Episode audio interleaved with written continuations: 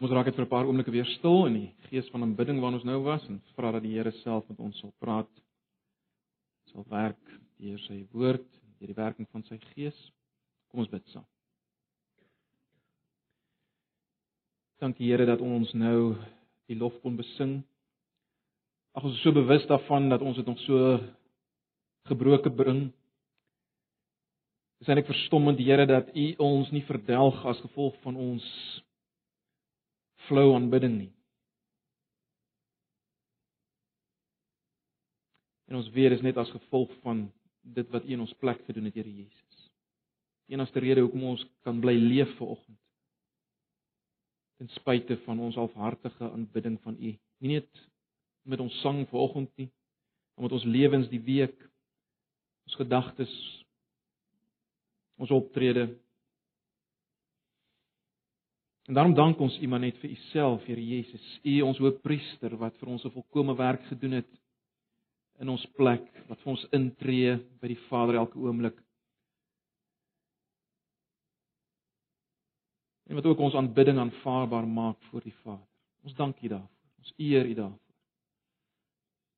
Ag Here, nou is ons gebed dat U met ons sal praat deur U woord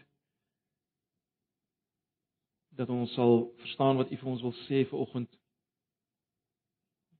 Wil U ons denke vernuwe oor onsself en oor U? En wil U ons wil beweeg?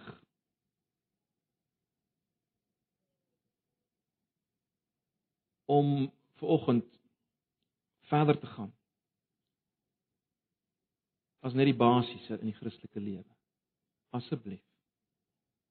Ons vra dit in Jesus se naam. Amen. Ons blaai na Hebreërs 5 weer eens. Ons gaan uh, volgende net kyk na vers 11 van uh, Hebreërs 5 vanaf vers 11 tot hoofstuk 6 vers 3. Mens kon 'n groter eenheid hanteer. Ek dink in die Bybelstudies het jy 'n groter eenheid hanteer, maar ek sal dan uh, oor twee Sondae die die res van die gedeelte doen. Volgende Sondag natuurlik het ons nou uh, gaan ons 'n bietjie afwyk van Hebreërs as ons uh, vir Lana en Driekus gaan toewy vir hulle werk in Pretoria Wes.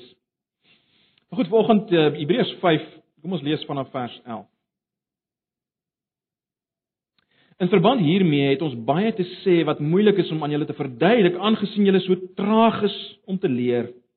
Hoewel julle teen hierdie tyd self reeds onderrig behoort te gee, het julle weer nodig dat iemand julle in die grondwaarhede van die woord van God moet onderrig.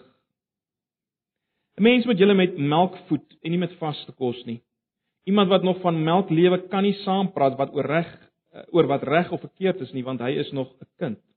Vaste kos is vir groot mense, vir mense wat oor insig beskik en wat deur die ervaring geoefen is om tussen goed en kwaad te onderskei. Laat ons nie stil staan by die eerste dinge wat aangaande Christus verkondig word nie, maar verder gaan na die volle inhoud van die boodskap. Ons wil nie opnuut die fondament lê deur te praat oor die bekering uit 'n leefwyse wat tot die dood lei nie of oor geloof in God, die leer van die doop en die handoplegging, die opstanding van die dooies en die ewige oordeel nie. Ons sal dus verder gaan as God dit toelaat. Lees net tot dan.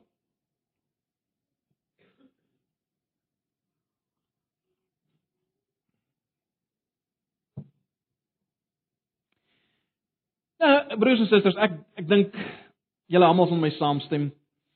'n Kind van 12 jaar wat nog melk drink, selfs dalk nog borsmelk net drink, is 'n onnatuurlike onhoudbare situasie. 'n Kind wat nog net melk drink op 12 jaar. Ons almal voel aan dit hoort nie so nie. Nee. Op daai ouderdom behoort 'n kind al vaste kos te eet. 'n Kind wat op 12 jaar nog net melk drink, wel, dis 'n gevaarlike, onnatuurlike, onhoudbare situasie. Ons weet ook dis 'n of ek dit so stel, die beweging weg van melk na vaste kos is 'n noodsaaklike en 'n natuurlike beweging, né? Nee, die beweging van melk na vaste kos is 'n baie natuurlike en noodsaaklike beweging. Ehm um, en ons uh, gesin toe klein Johan nou sy eerste bordjie pap moes eet, was dit nou iets groots geweest, né? Nee. Ons kon nie wag daarvoor nie. Ons weet dit moet gebeur. Jy kan nie net bly by melk. Ons weet. Net so dink ek sal ons almal saamstem dat 'n matriekklas wat elke oggend nog steeds die ABC opsê en liedjies leer en rympies leer oor die ABC, die alfabet iets skort, né? Nee. Iets is verkeerd. Ons almal weet dit, né? Nee. Ons ons voel dit aan.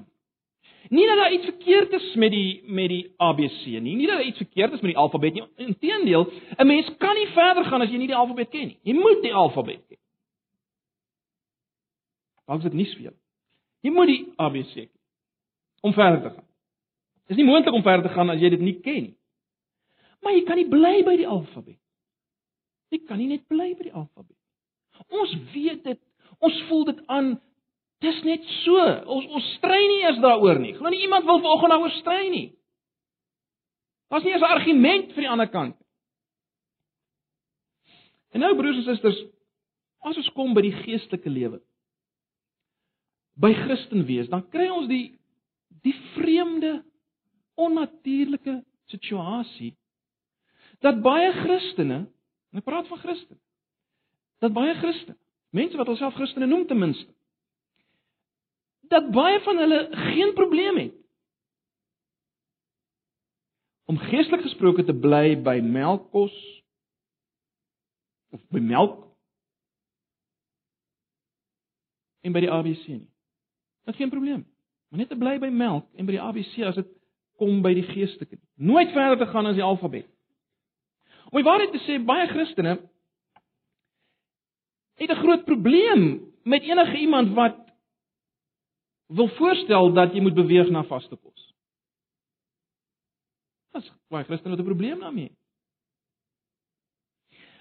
Hierdie mense voel dat jy nie Christen en ek praat van Christen, ek praat nie van van hoe ons teenoor die wêreld moet optree met die woord.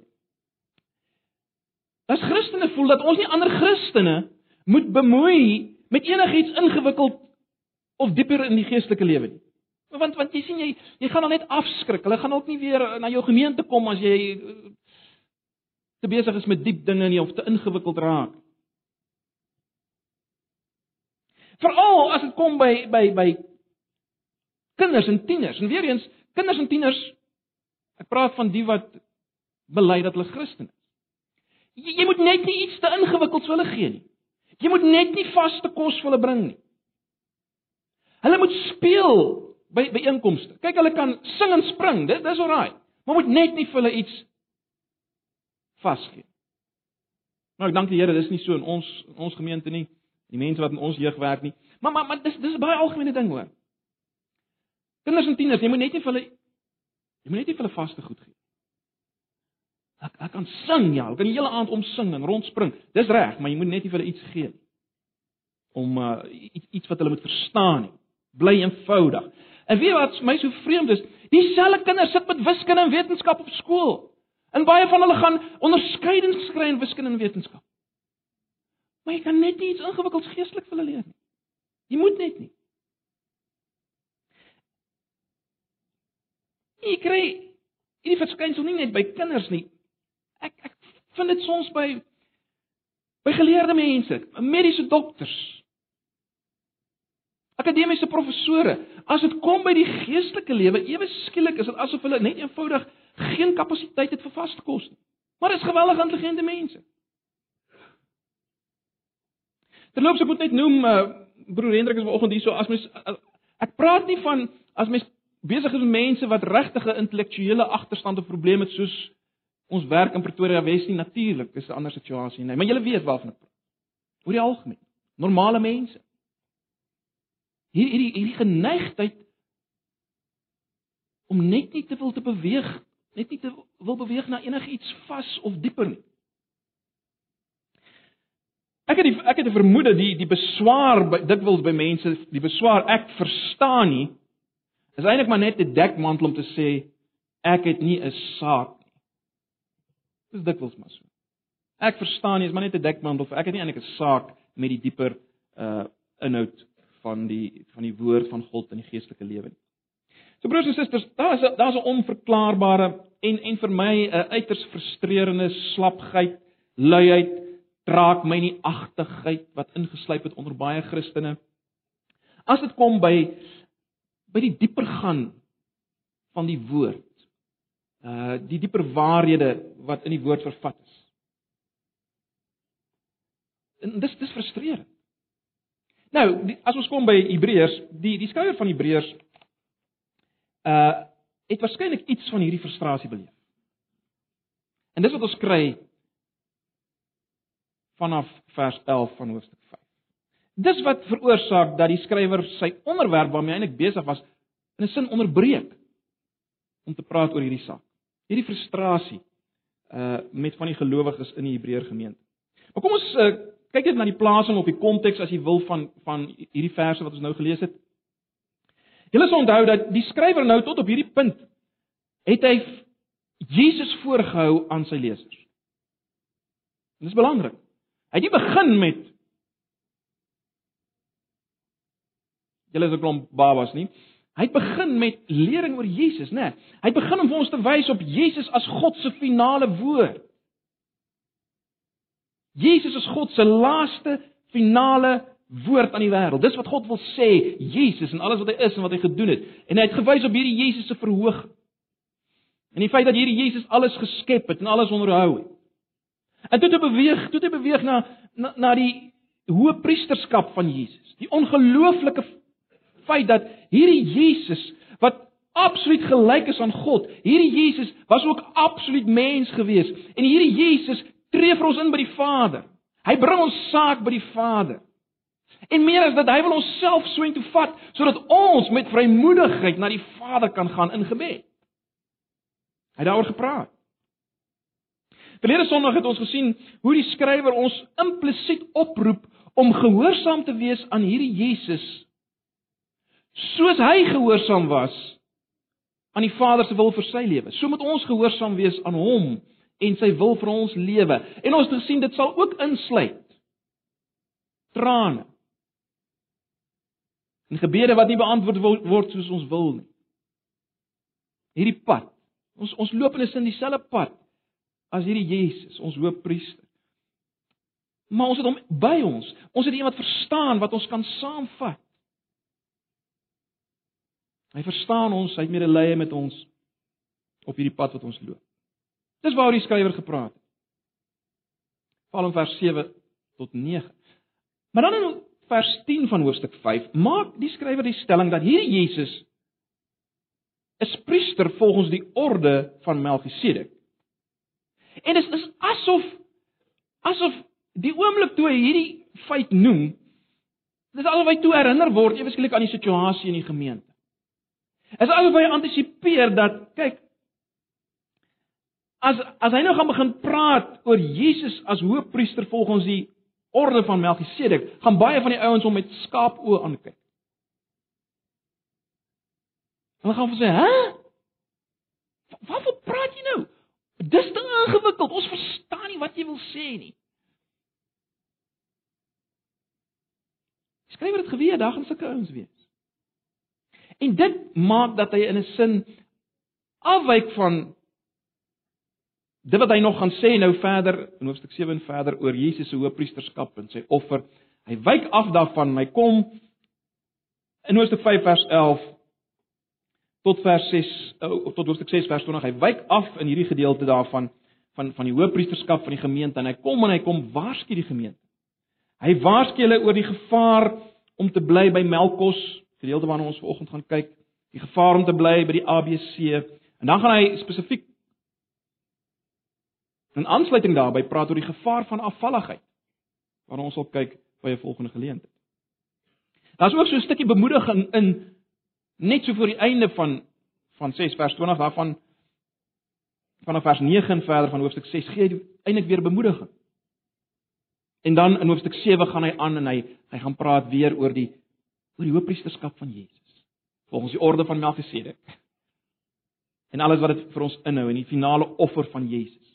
So baie belangrik om om raak te sien, ek het dit al genoem, hierdie gedeelte waar ons die waarskuwing kry word in 'n sin omarm deur gedeeltes wat gaan oor Jesus. Die wonderlikheid van Jesus, sy hoëpriesterskap. wat hy vir ons gedoen het en die sekerheid wat dit vir ons gee. Hierdie waarskuwings lê binne in hierdie gedeeltes oor die hoofpriesterskap van Jesus. So dis belangrik om dit raak te sien. Maar goed, kom ons staan nader aan hierdie gedeelte wat ons vanoggend gelees het. Kom ons kyk eers na wat ek wil noem die melkprobleem, die melkprobleem.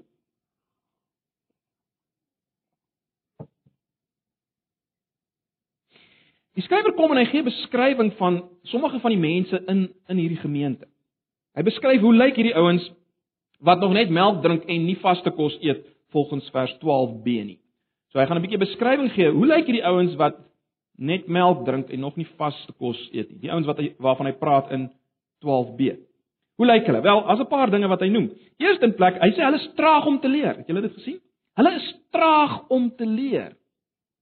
Hulle is traag om te leer.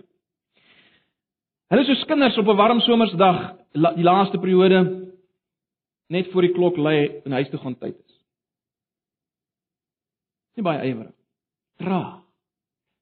Julle wat al skool gegee het, sal weet hoe dit is om voor 'n klas te staan wat net voor die skool gaan sluit en is warm en is somer. Ja, julle sal weet hoe hoe's daai kinders. Net dis waarvan die skrywer praat. Hy sê hulle is traag om te leer. Met ander woorde, daar's geen lus en energie om iets te leer nie. Dis nie enigstens omdat dit moeilik so seer is. Dis nie so seer 'n saak van moeilikheid nie. Nee, dit is is omdat hulle net te traag is, te vaak is, te lui is. Dis hoekom hulle net nie verder gaan. 'n Volgende ding wat die skrywer sê is dat hierdie ouens behoort alself onderrig te gee. En dan word ons kan aflei dat hierdie ouens is al lankal Christene. Hulle is nie is nie jong Christene nie. Dis mense wat hulle vir 'n hele rukkie lank Christene is. En na regte moes hulle al begin het om ander ouens op watter vlak dit ook al mag wees bietjie te onderrig. Hulle moes al daarmee besig raak. Maar in steede daarvan sien ons dat die skrywer sê iemand anders moet hulle nog onderrig En dan nog meer moet hulle onderrig in die grondwaarhede van die woord. Iemand anders moet hulle nog onderrig in die grondwaarhede van die woord. So dis ouens wat eintlik self al onderwysers moet wees wat nog soos babas is. Dis wat hy sê vir hierdie gemeente van. Dis ouens wat nog heeltyd die ABC moet leer. Maar goed, wat is die gevolge van hulle melkdrinkery as mens dit so kan stel? Ons kry dit daar in vers 13 tot 14. Nou die 53 53 vertaling sê dat hierdie ouens kan nog nie saam praat oor geregtigheid nie en uh, die 83 vertaling sê dit vertaal met hulle kan nog nie saam praat wat oor wat reg en verkeerd is. Ek dink tog dit gaan ten diepste hier oor dit wat moreel reg en verkeerd is Dit gaan met ander woorde oor dit wat vir God reg en verkeerd is. Hulle kan nog nie daaroor saampraat oor wat vir God reg en verkeerd is volgens sy woord nie. Hulle kan nie daaroor saampraat nie.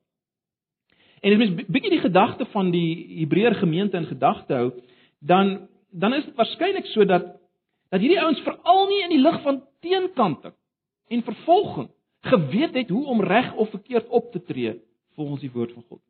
Want dis dis die konteks, dis die situasie waarin die waarin die Hebreër gemeente hulle bevind het. Hulle het nie werklik geweet hoe moet ons reg en verkeerd optree wanneer ons teenkanting kry. Met ander woorde, hierdie hierdie reg en verkeerd uh waarvan die skrywer hier praat of of geregtigheid as jy die 53 vertaling het, het waarskynlik te maak met die kom ons noem dit praktiese koste verbonde aan disippelskap en die verantwoordelikhede betrokke in disippelskap. Dit gaan alles daaroor. Hierdie ouens het nog nie geweet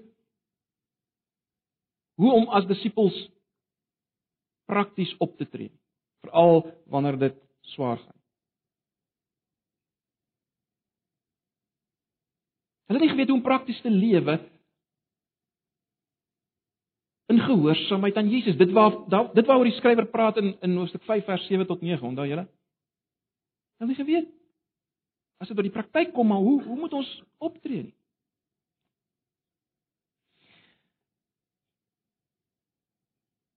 Die skrywer maak dit baie duidelik. Hierdie ouens was was nog nie soos volwassenes nie. Hy hy hy hy hy, hy praat 'n bietjie oor hoe lyk volwassenes en hy sê wel volwassenes is ouens wat wat geoefen is om reg en verkeerd te onderskei. Julle sal kyk net weer daarna ehm um,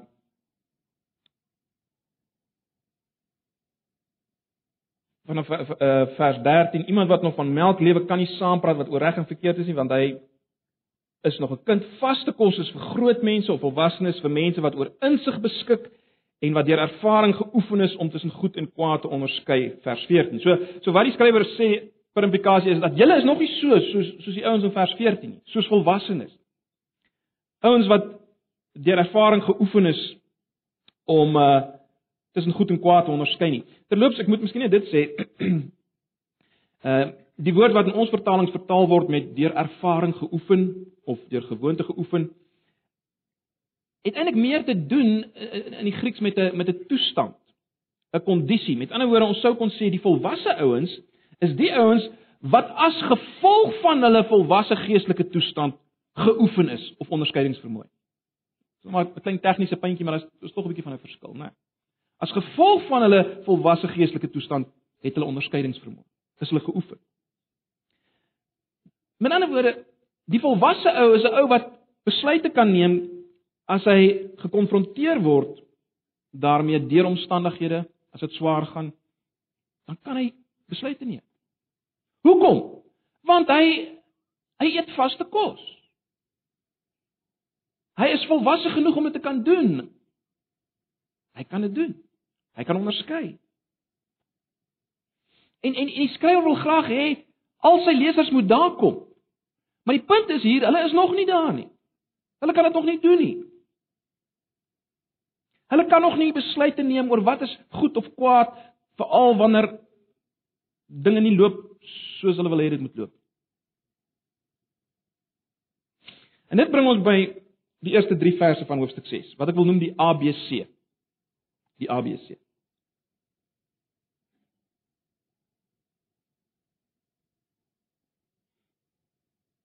Ek het nou in die begin gepraat oor die ABC. Ons het ons het nou hierdie gedeelte die opskrif gegee die ABC. Nou uit die aard van die saak, die oomblik as ons praat van ABC, dan dan dan veronderstel ons daar is iets meer as die ABC, né? Daar is iets verder. En dis waarna die skrywer verwys. As hy sê in vers 1 van hoofstuk 6, laat ons nie stil staan by die eerste dinge wat aangaande Christus verkondig word nie, maar verder gaan na die volle inhoud van die boodskap. Nou, net 'n opmerking weer eens oor die vertalings. Ons 83 vertaling sê ons moet voortgaan na die volle inhoud van die boodskap. Die woord wat gebruik word in die Grieks is bloot die woord vir volmaaktheid. Laat ons gaan na volmaaktheid. En dit is baie interessant, dis dieselfde woord wat hy gebruik vir Jesus. As hy sê Jesus het volmaaktheid bereik, né? Nee, in vers uh vers 6. En toe hy volmaaktheid bereik het, het hy vir almal wat hom gehoorsaam is die bron van ewige saligheid geword. So hy gebruik die woord vir Jesus en hy sê dis waarna ons moet beweeg. En ek het julle gesê volmaaktheid in Hebreërs beteken voltooiing, afhandel. Dis die plek waarna ons moet beweeg, waar God ons wil hê, waar ons vol voltooi dit wat hy wil hê ons die die pad wat hy wil hê ons moet loop voltooi het, klaar gemaak het. Dis waarna ons moet gaan. Dis wat die skrywer sê. Sommige vertalings vertaal dit met volwassenheid. Dit sou nie verkeerd wees nie. Van die Engelse vertalings vertaal uh, uh, vertaal met volwassenheid. Dis waarna ons op pad is. Gaan na volwassenheid. Maar dink hy wil hy wil hy wil sin speel op die feit dat ons moet beweeg na waar Jesus is. Ons moet beweeg na waar Jesus is. Baie interessant verder. Uh dat die werkwoord wat hy hier gebruik met jy moet verder gaan is 'n passiewe werkwoord. Wat maar net beteken julle moet toelaat dat julle verder gaan. Iemand moet julle verder vat en die implikasie is God moet julle verder vat. Implikasie, julle moet toelaat dat God julle verder vat na volwassenheid, na voltooiing, na volmaak. So dis dis wat hy sê in die begin in vers 1. Julle moet verder gaan as die ABC. Julle moet gaan na volmaaktheid. Julle moet gaan na waar Jesus is. Alraai, so dis wat hy wil sê. Maar wat is die ABC wat hy hier uitlig? Wel, die ABC sal julle sien bestaan uit 6 dinge wat hy hier noem.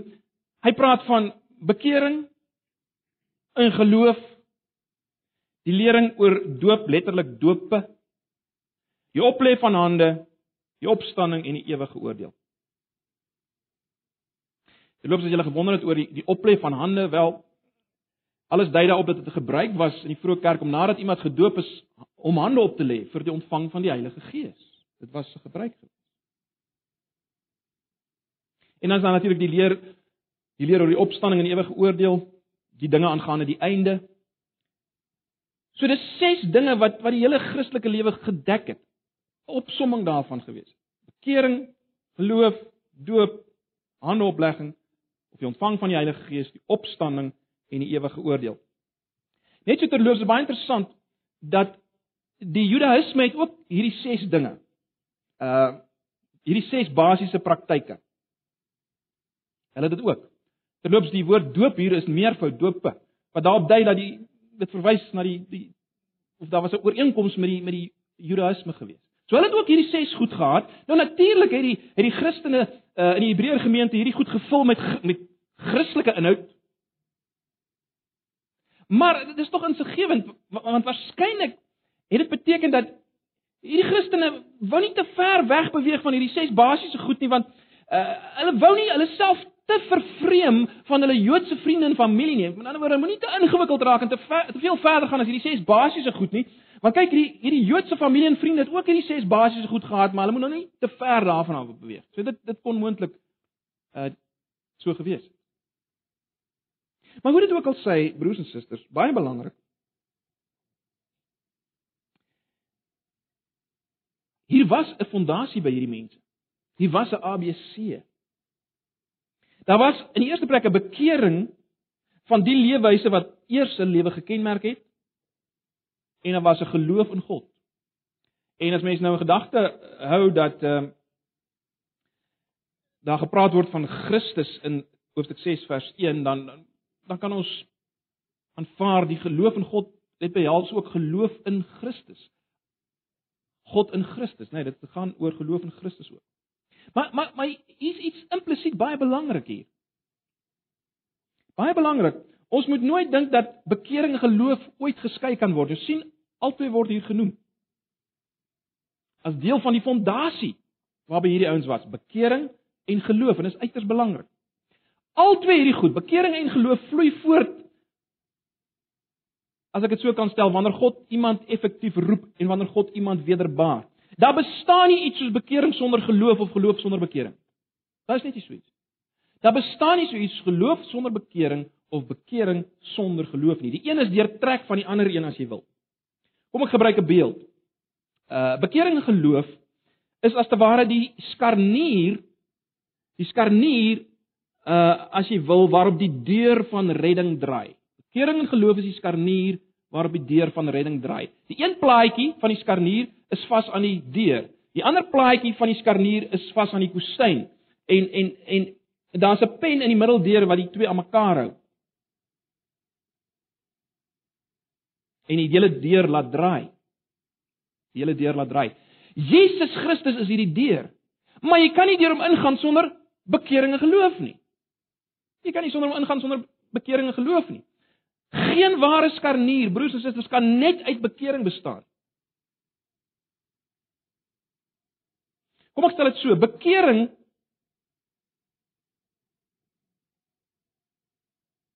wat nie aan geloof gekoppel is. Is dit wat 'n wettiese bekering? Dit loop dood in jouself en dit loop dood in jou sonde. Dis nie dis nie evangeliese Bybelse bekering nie. Bekering sonder geloof nie. Baie belangrik. Maar aan die ander kant, net so is daar geen skarnier wat net uit geloof saamgestel is nie. In ander woorde, geloof wat nie weer aan bekering gekoppel is nie, is 'n valse geloof, né? Dis 'n valse geloof. Want want baie belangrik, opregte geloof is 'n geloof in Christus om jou van jou sonde te verlos, nie in jou sonde nie. Daarom moet dit saamgaan met bekering. Baie belangrik. So dit is dis onlosmaakbaar verbind aan mekaar. Eh, dit is skrikwekkend die die die onlosmaakbare ver, uh, verband tussen bekering en geloof word nogal skrikwekkend uitgelig. Ag, julle kan maar self gaan kyk Lukas 13 vers 13 en Openbaring 21 vers 8. Uh waar ons sien aan die een kant as jy nie bekeer nie, sal jy sterf. En aan die ander kant as jy nie glo nie, sal jy in die poel van vuur beland. Jy sien, albei is van deurslaggewende belang. So, belangrik. Hierdie mense het bekeer en geglo en dan is hulle gedoop. Hulle het die Heilige Gees ontvang. Hulle het die basiese dinge geleer oor die opstanding en die oordeel. Maar die skrywer sê vir hulle, dis nie genoeg nie. Julle moet verder gaan. Julle moet dieper gaan. Dis nog net die melkkos. Dis net die melkkos. Julle moet verder gaan. So, broers en susters, wat sê dit alles vir ons, hierdie gedeelte? Wat sê hierdie gedeelte vir ons? Kom ons dink vir 'n paar oomblikke daaroor.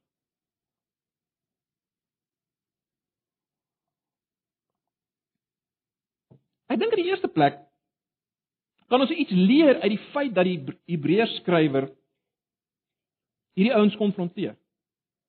Ek dink dit sê in die eerste plek vir ons daar's plek vir liefdevolle konfrontasie binne 'n gemeente. Sê dit weer, daar's plek vir liefdevolle konfrontasie binne 'n gemeente. Ons moet mekaar aanspreek.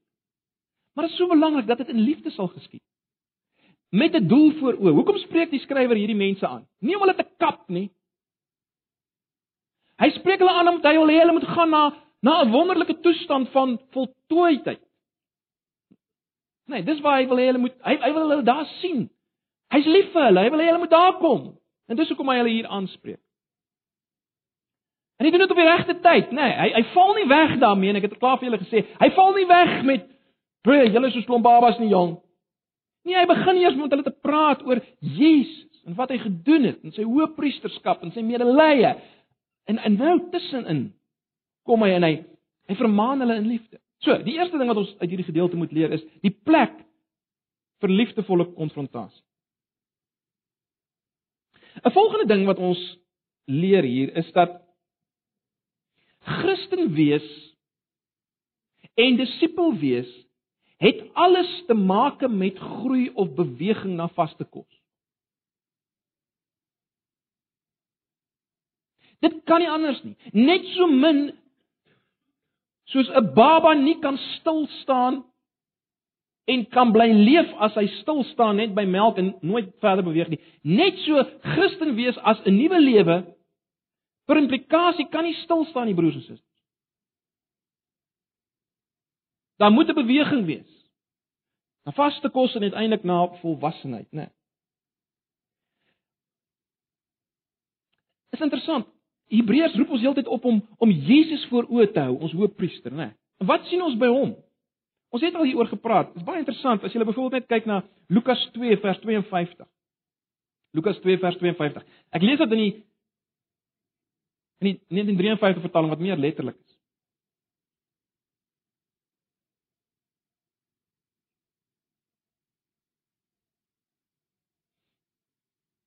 Lukas 2 vers 52.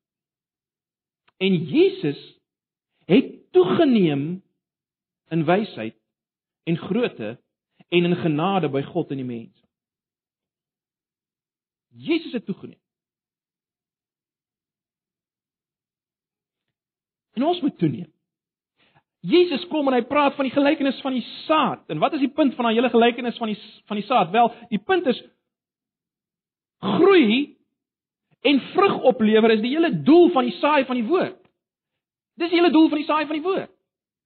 Die hele doel van elke Sondag se prediking en besig wees met die woord, die saai van die woord, is dat daar groei sal wees en uiteindelik vrug. Ek bedoel as geen sin in in die saai saai saai saai sodat die saad net daar rond lê nie. Daar's geen daar's geen sin daar nie. Aan die begin van die jaar het ons gepraat as julle kan terugonthou oor oor oor 2 Petrus 3 vers 17 en 18. Miskien kan julle net vinnig blaai na 2 Petrus 3 vers 17 en 18. Dit is belangrike verse.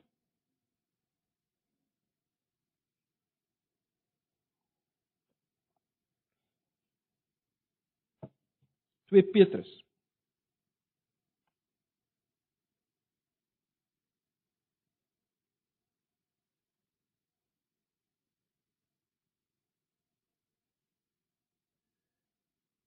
Die konteks van 2 Petrus 3 sal julle weet as hy praat oor alles wat gaan gebeur in die laaste dae en en uh, voor die koms van Jesus en die en die en die, en die gevare en so aan. En dan sê hy in vers 17: Nou dat julle dit dan vooruit weet, geliefdes, moet julle op julle hoede wees dat julle nie miskien meegesleep word deur die dwaaling van sedelose mense en wegval uit julle eie vastigheid nie. Vers 18: Maar julle moet toeneem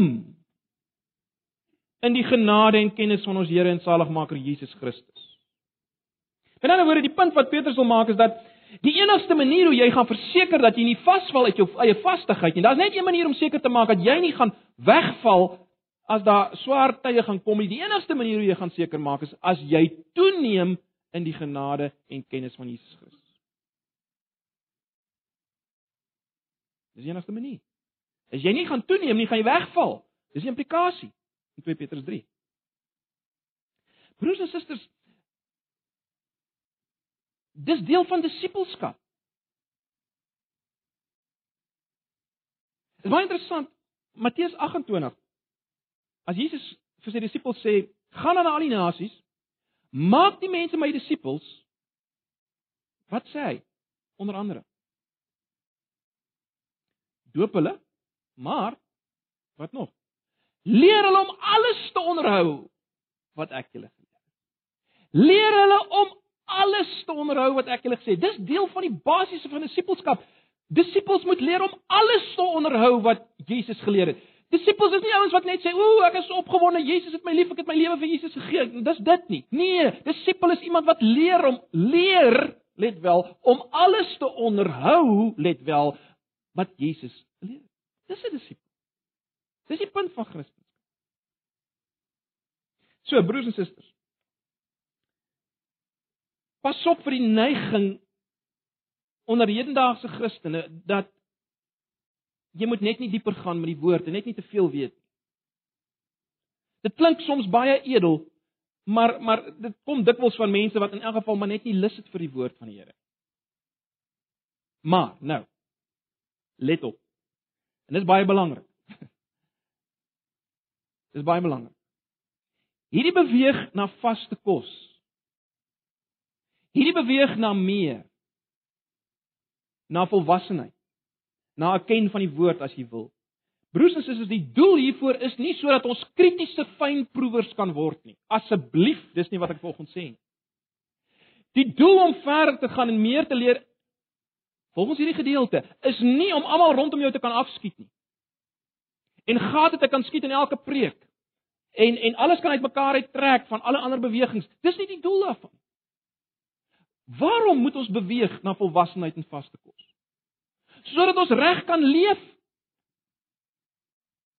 Sodat ons kan onderskei reg en verkeerd, goed en kwaad as dit swaar gaan. In die tye van teenkante. Dis waarom ons dit moet doen. Met ander woorde in kort sodat ons lewens anders kan lyk. Hoor ons dit? Ons moet toeneem.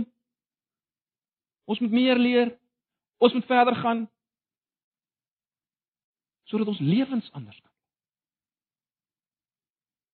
Nie sodat ons beter kan beklei oor elke jota en titel.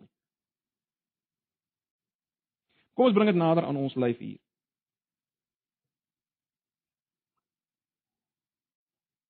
En nou moet julle my vermaaning in liefde vat. Die sommige van ons wat hier sit wat 10, 20, 30 jaar al Christen is.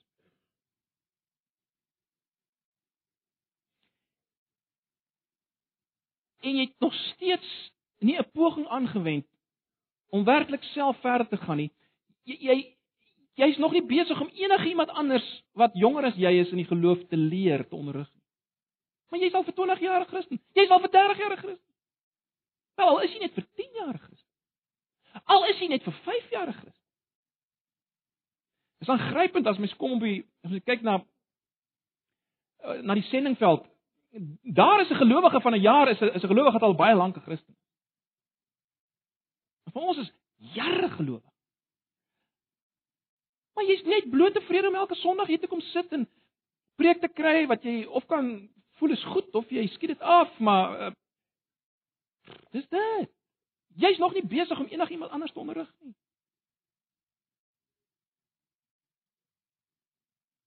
Jy weet nog nie eens hoe om iemand na die Here te lei nie. Jy ken nog nie eers basiese teksgedeeltes nie. Jy's verlore in die Bybel. Jy jy jy weet nie hoe met iemand te praat nie.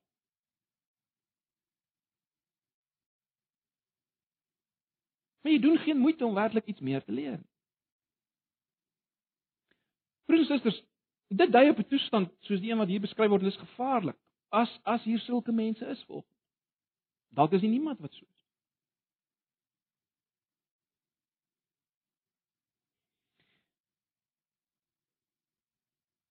Onthou net dit wil jou optrede wanneer dinge swaar gaan en wanneer daar teenkanting is in jou lewe wys of jy verder gegaan het.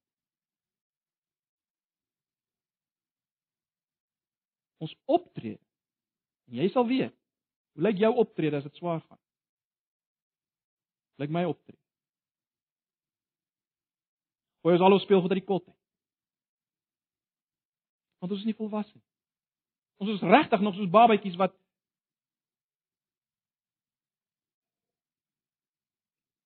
totaal beheer verloor.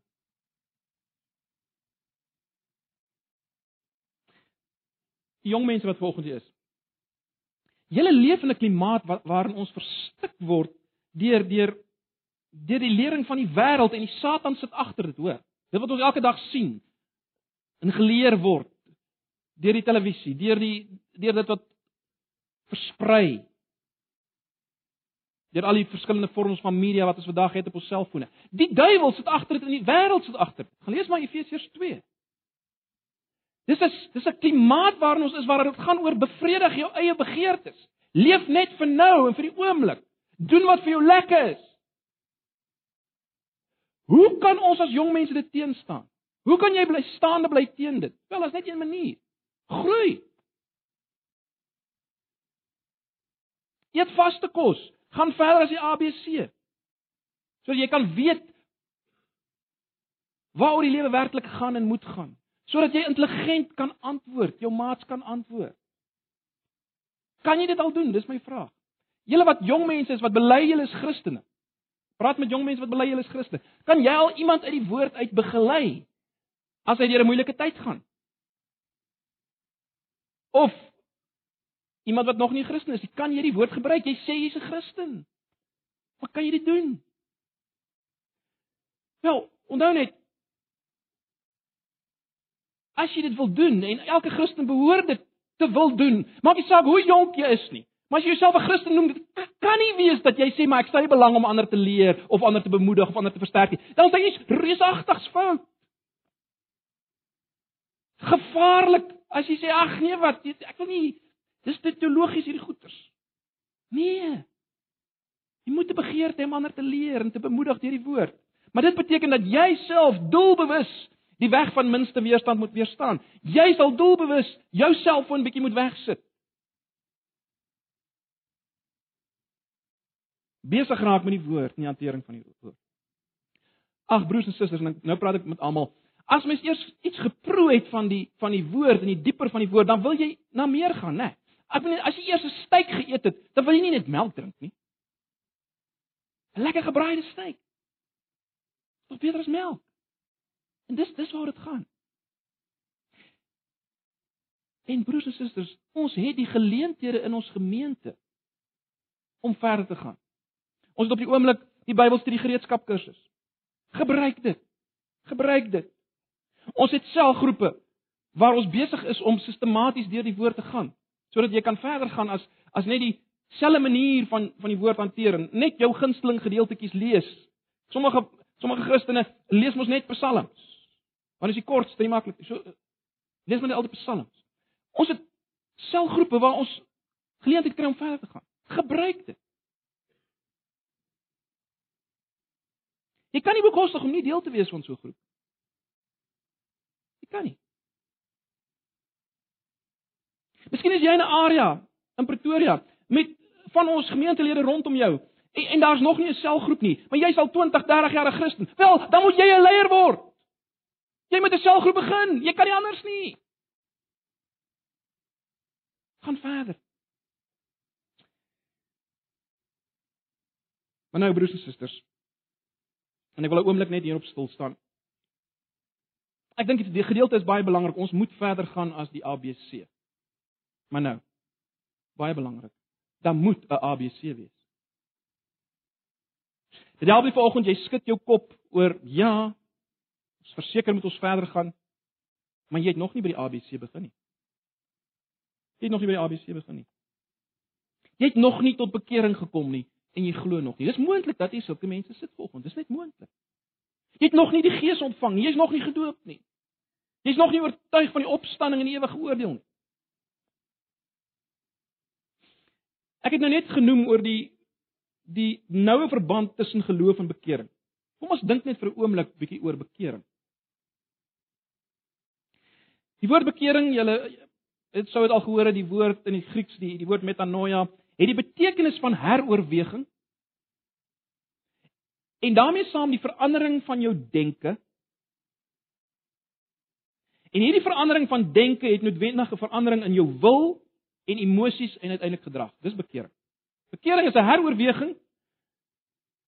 Dit lei tot 'n verandering in jou denke, manier hoe jy dink. Dit verander jou wil. Dit raak jou emosies en uiteindelik jou gedrag. Dis bekering. Ons sien dit baie duidelik, is dit nie, in in in die in die gelykenisse van Jesus. Die die twee gelykenisse uh spesifiek waarna ek dink is die is die gelykenis van die twee seuns en dan ook die gelykenis van die sogenaamde verlore seun. Kom ons dink net vir 'n oomblik aan die gelykenis van die verlore seun, net vir 'n oomblik. Dink daaraan. Ons sien 'n duidelike heroorweging in die gelykenis van die verlore seun, net soos by die ander gelykenis van die twee seuns ook terloops. Maar kom ons bly net by die verlore seun. Ons sien 'n baie duidelike heroorweging. Julle ken dit. In Lukas 15 vers 17.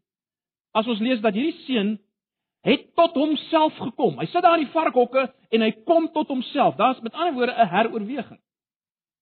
En dit lei tot 'n erkenning teenoor homself dat sy lewenswyse nie reg is nie. Hy erken dit teenoor homself. My lewenswyse is nie reg nie. En hierdie verandering lei dan tot wat? Wel dit lei tot 'n verandering in sy wil en emosies. Hoe sien ons dit? Ek sal opstaan en na my Vader gaan. So die verandering in denke lei tot 'n verandering in wil en emosies. Ek sal opstaan en na my Vader gaan. Lukas 15 vers 18. En dan is daar berou, né? Nee. Ons sien dit. Berou oor die manier waarop hy sy pa behandel het. Vader, ek het gesondig teen U.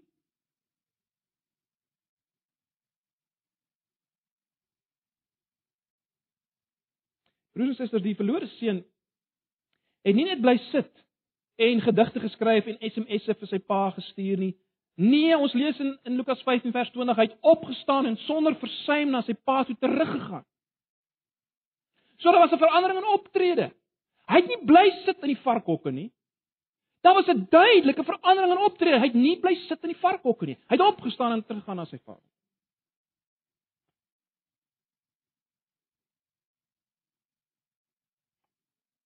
Hy het nie sy vader in die varkhokke omhels Hy het uit die varkhok uitgegaan en sy vader gaan omhels.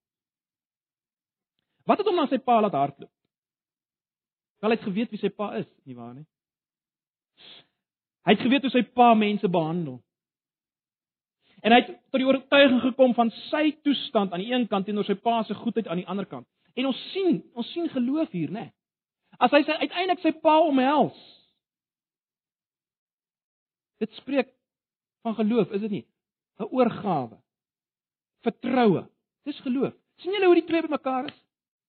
Die gelykenis van die verlore seun. Bekering en geloof gaan hand aan hand. My vraag is vanoggend, het jy al so tot bekering en geloof gekom?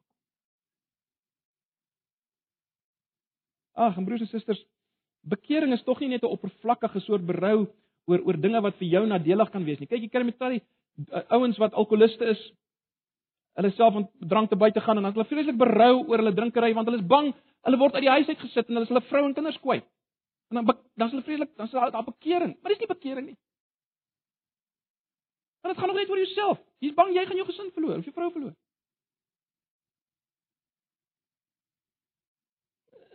Breek bekering is nie hierdie tipe berou wat so gou verdwyn nie. Dis ook nie net kortstondige emosie nie. Dis ook nie om net uiterlike sonde te verruil vir innerlike sondetjies nie. Dit is iets permanent, broers en susters. Dis 'n verandering van jou denke oor jou lewenstyl. Jou denke oor jou lewenstyl al verander? Oor wie jy is? Het jy al verander oor die dinge wat jy altyd probeer verdedig?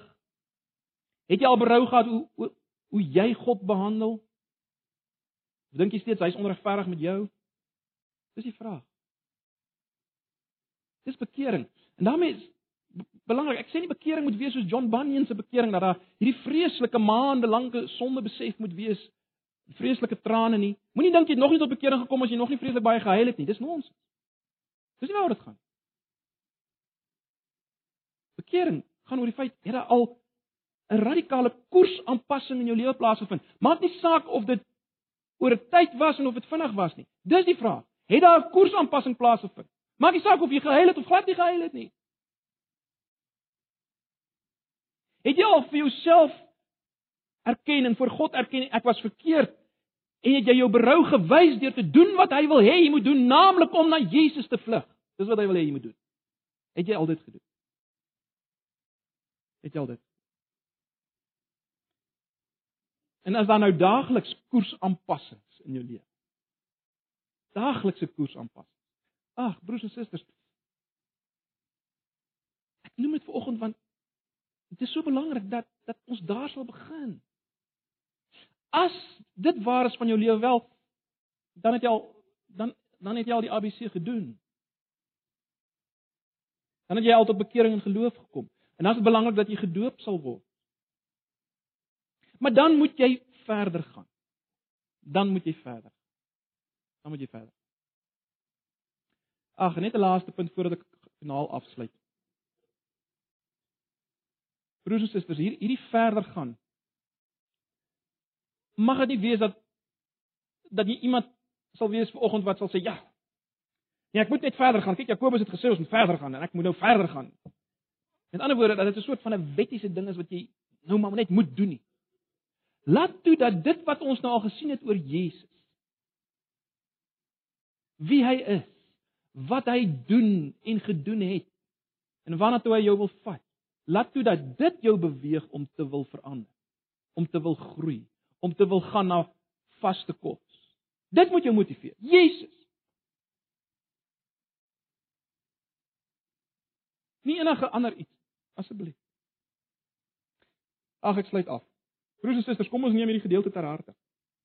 Kom ons neem hierdie gedeelte ter harte.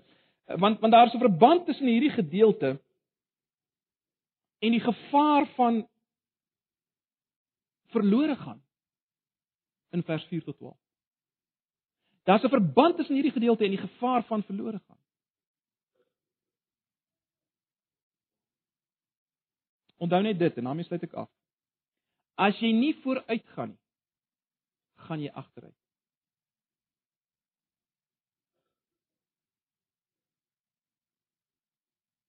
Toestand van stilstand is dodelik gevaarlik. Want of jy gaan vooruit of jy gaan agteruit. Ag, mag die Here ons genadig wees. Ons help om vooruit te gaan na die volheid wat hy vir ons bedoel het. Kom ons sluit af.